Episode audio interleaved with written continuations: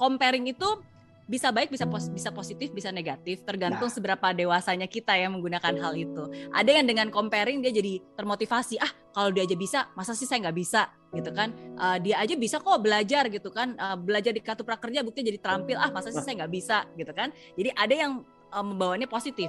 Tapi kebanyakan orang pada umumnya uh, ketika mereka mengcompare justru malah dimotivated gitu. Jadi justru malah merusak kebahagiaannya. Awalnya udah bahagia nih bersyukur, wah seneng gitu kan bisa punya pekerjaan dan seterusnya. Tapi begitu ngeliat teman yang lain, eh kok kayaknya dia gajinya lebih gede ya. Terus tiba-tiba kebahagiaannya jadi jadi berkurang hanya dengan karena kita membandingkan dengan orang lain gitu. Nah, jadi ya itu pencuri kebahagiaan kita sebenarnya salah satunya adalah dengan mengcompare ya harus hati-hati dan harus dewasa sih dalam melakukan hal tersebut.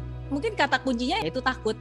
Iya, takut gagal, takut diketahuin orang, takut mengecewakan, takut rugi, ya kan? Jadi karena rasa takut itulah yang membuat mereka nggak mau bergerak.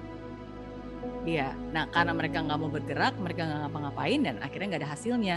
Ya, jadi menurut saya itu balik lagi ke mindsetnya kita ya. Kalau kita berpikir pilihannya cuma ada dua, yaitu gagal atau sukses, ya of course akan-akan kayak wah saya harus milih nih, iya kan? Uh, tapi kan tapi kan sebenarnya um, di hidup ini kan again kalau kita benar-benar punya mindset yang benar eh, nggak ada namanya kegagalan yang ada kan pembelajaran gitu. Jadi bagaimana kita bisa berproses setelah itu menurut saya itu yang yang jauh lebih penting. Lebih ke mm, benar-benar mindset dan cara pandang kita sih.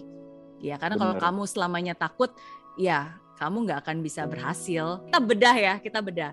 Kenapa orang takut? Kenapa orang takut? Oke, okay?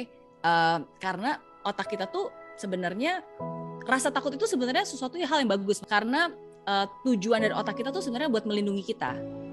Oke, okay? ya jadi uh, dan rasa takut itu adalah salah satu indikasi. Coba contohnya, ah takut nggak naik kelas, akhirnya belajar, ya, ya kan? Takut sakit, akhirnya ya udah jaga kesehatan ya kan? Ya, supaya kita memprotek diri kita gitu sebenarnya. Jadi rasa takut itu sebenarnya bagus karena itu melindungi kita. Nah tapi rasa takut yang berlebihan yang akhirnya membuat kita nggak ngapa-ngapain itu yang nggak baik. Intinya bukan rasa takut yang harus dihilangkan tapi kita yang kendalikan. Sekali lagi ya rasa takut itu baik sebenarnya. Karena bayangin orang yang nggak punya rasa takut nggak takut Tuhan nggak takut masuk penjara nggak takut apa apa wah kacau hidupnya. Jadi rasa takut itu tetap perlu oke? Okay? nah tapi harus kita yang kendalikan Nah, sekarang caranya, cara hmm. gimana? Kayak ketika pertama kali saya memulai bisnis pun juga takut sebenarnya awalnya. Nah, tapi gimana cara mengendalikan? Pertama adalah dengan mencari lebih banyak informasi. Dengan belajar, mencari banyak informasi. Karena kalau saya nggak tahu, oh tentu akan ada rasa khawatir nih, karena kan is unknown, nggak jelas, nggak tahu gimana nih, gitu. Tapi dengan saya mencari informasi, oke, okay, saya membuat perencanaan, uh, plus minusnya apa. Udah gitu saya mengupgrade diri saya. Oke, okay, kalau gitu saya harus belajar nih, ya kan? Cari tahu dulu deh, belajar dulu lah. Nah, dengan seperti itu lebih banyak informasi itu akan mengurangi rasa takut kita dan membuat kita lebih berani lah, lebih berani. Itu itu salah satu caranya ya. Oke, nah tapi ada tambahannya lagi nih. Rasa takut itu nggak akan bisa hilang selamanya. In fact, orang berani itu bukan berarti dia nggak punya rasa takut. Jadi saya saya kasih rumus nih biasanya saya kasih rumus mungkin nggak bisa ditulis di sini ya. Berani itu sama dengan takut. Jadi di dalam berani itu ada takut. Oke? Okay? Tapi berani itu adalah takut ditambah action ditambah komitmen. Itu berani. Jadi orang berani itu adalah walaupun dia masih punya rasa takut, tadi udah diminimalisasi ya, karena dengan banyak informasi rasa takutnya tetap ada nggak mungkin hilang. Dia tetap punya rasa takut tapi dia tetap action. Dia tetap lakukan dan dia lakukan dengan komitmen tangguh sampai selesai. Itu orang berani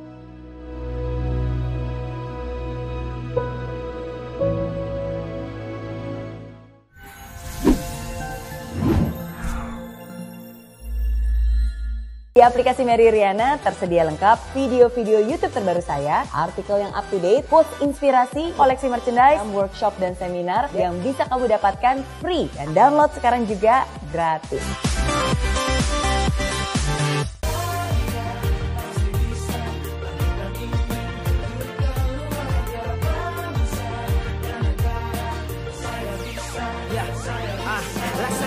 Tanpa hujan Hidup tanpa tujuan Kering dan mati tanpa hijaunya tumbuhan ah. Demikian kalau mimpi tak kunjung terjadi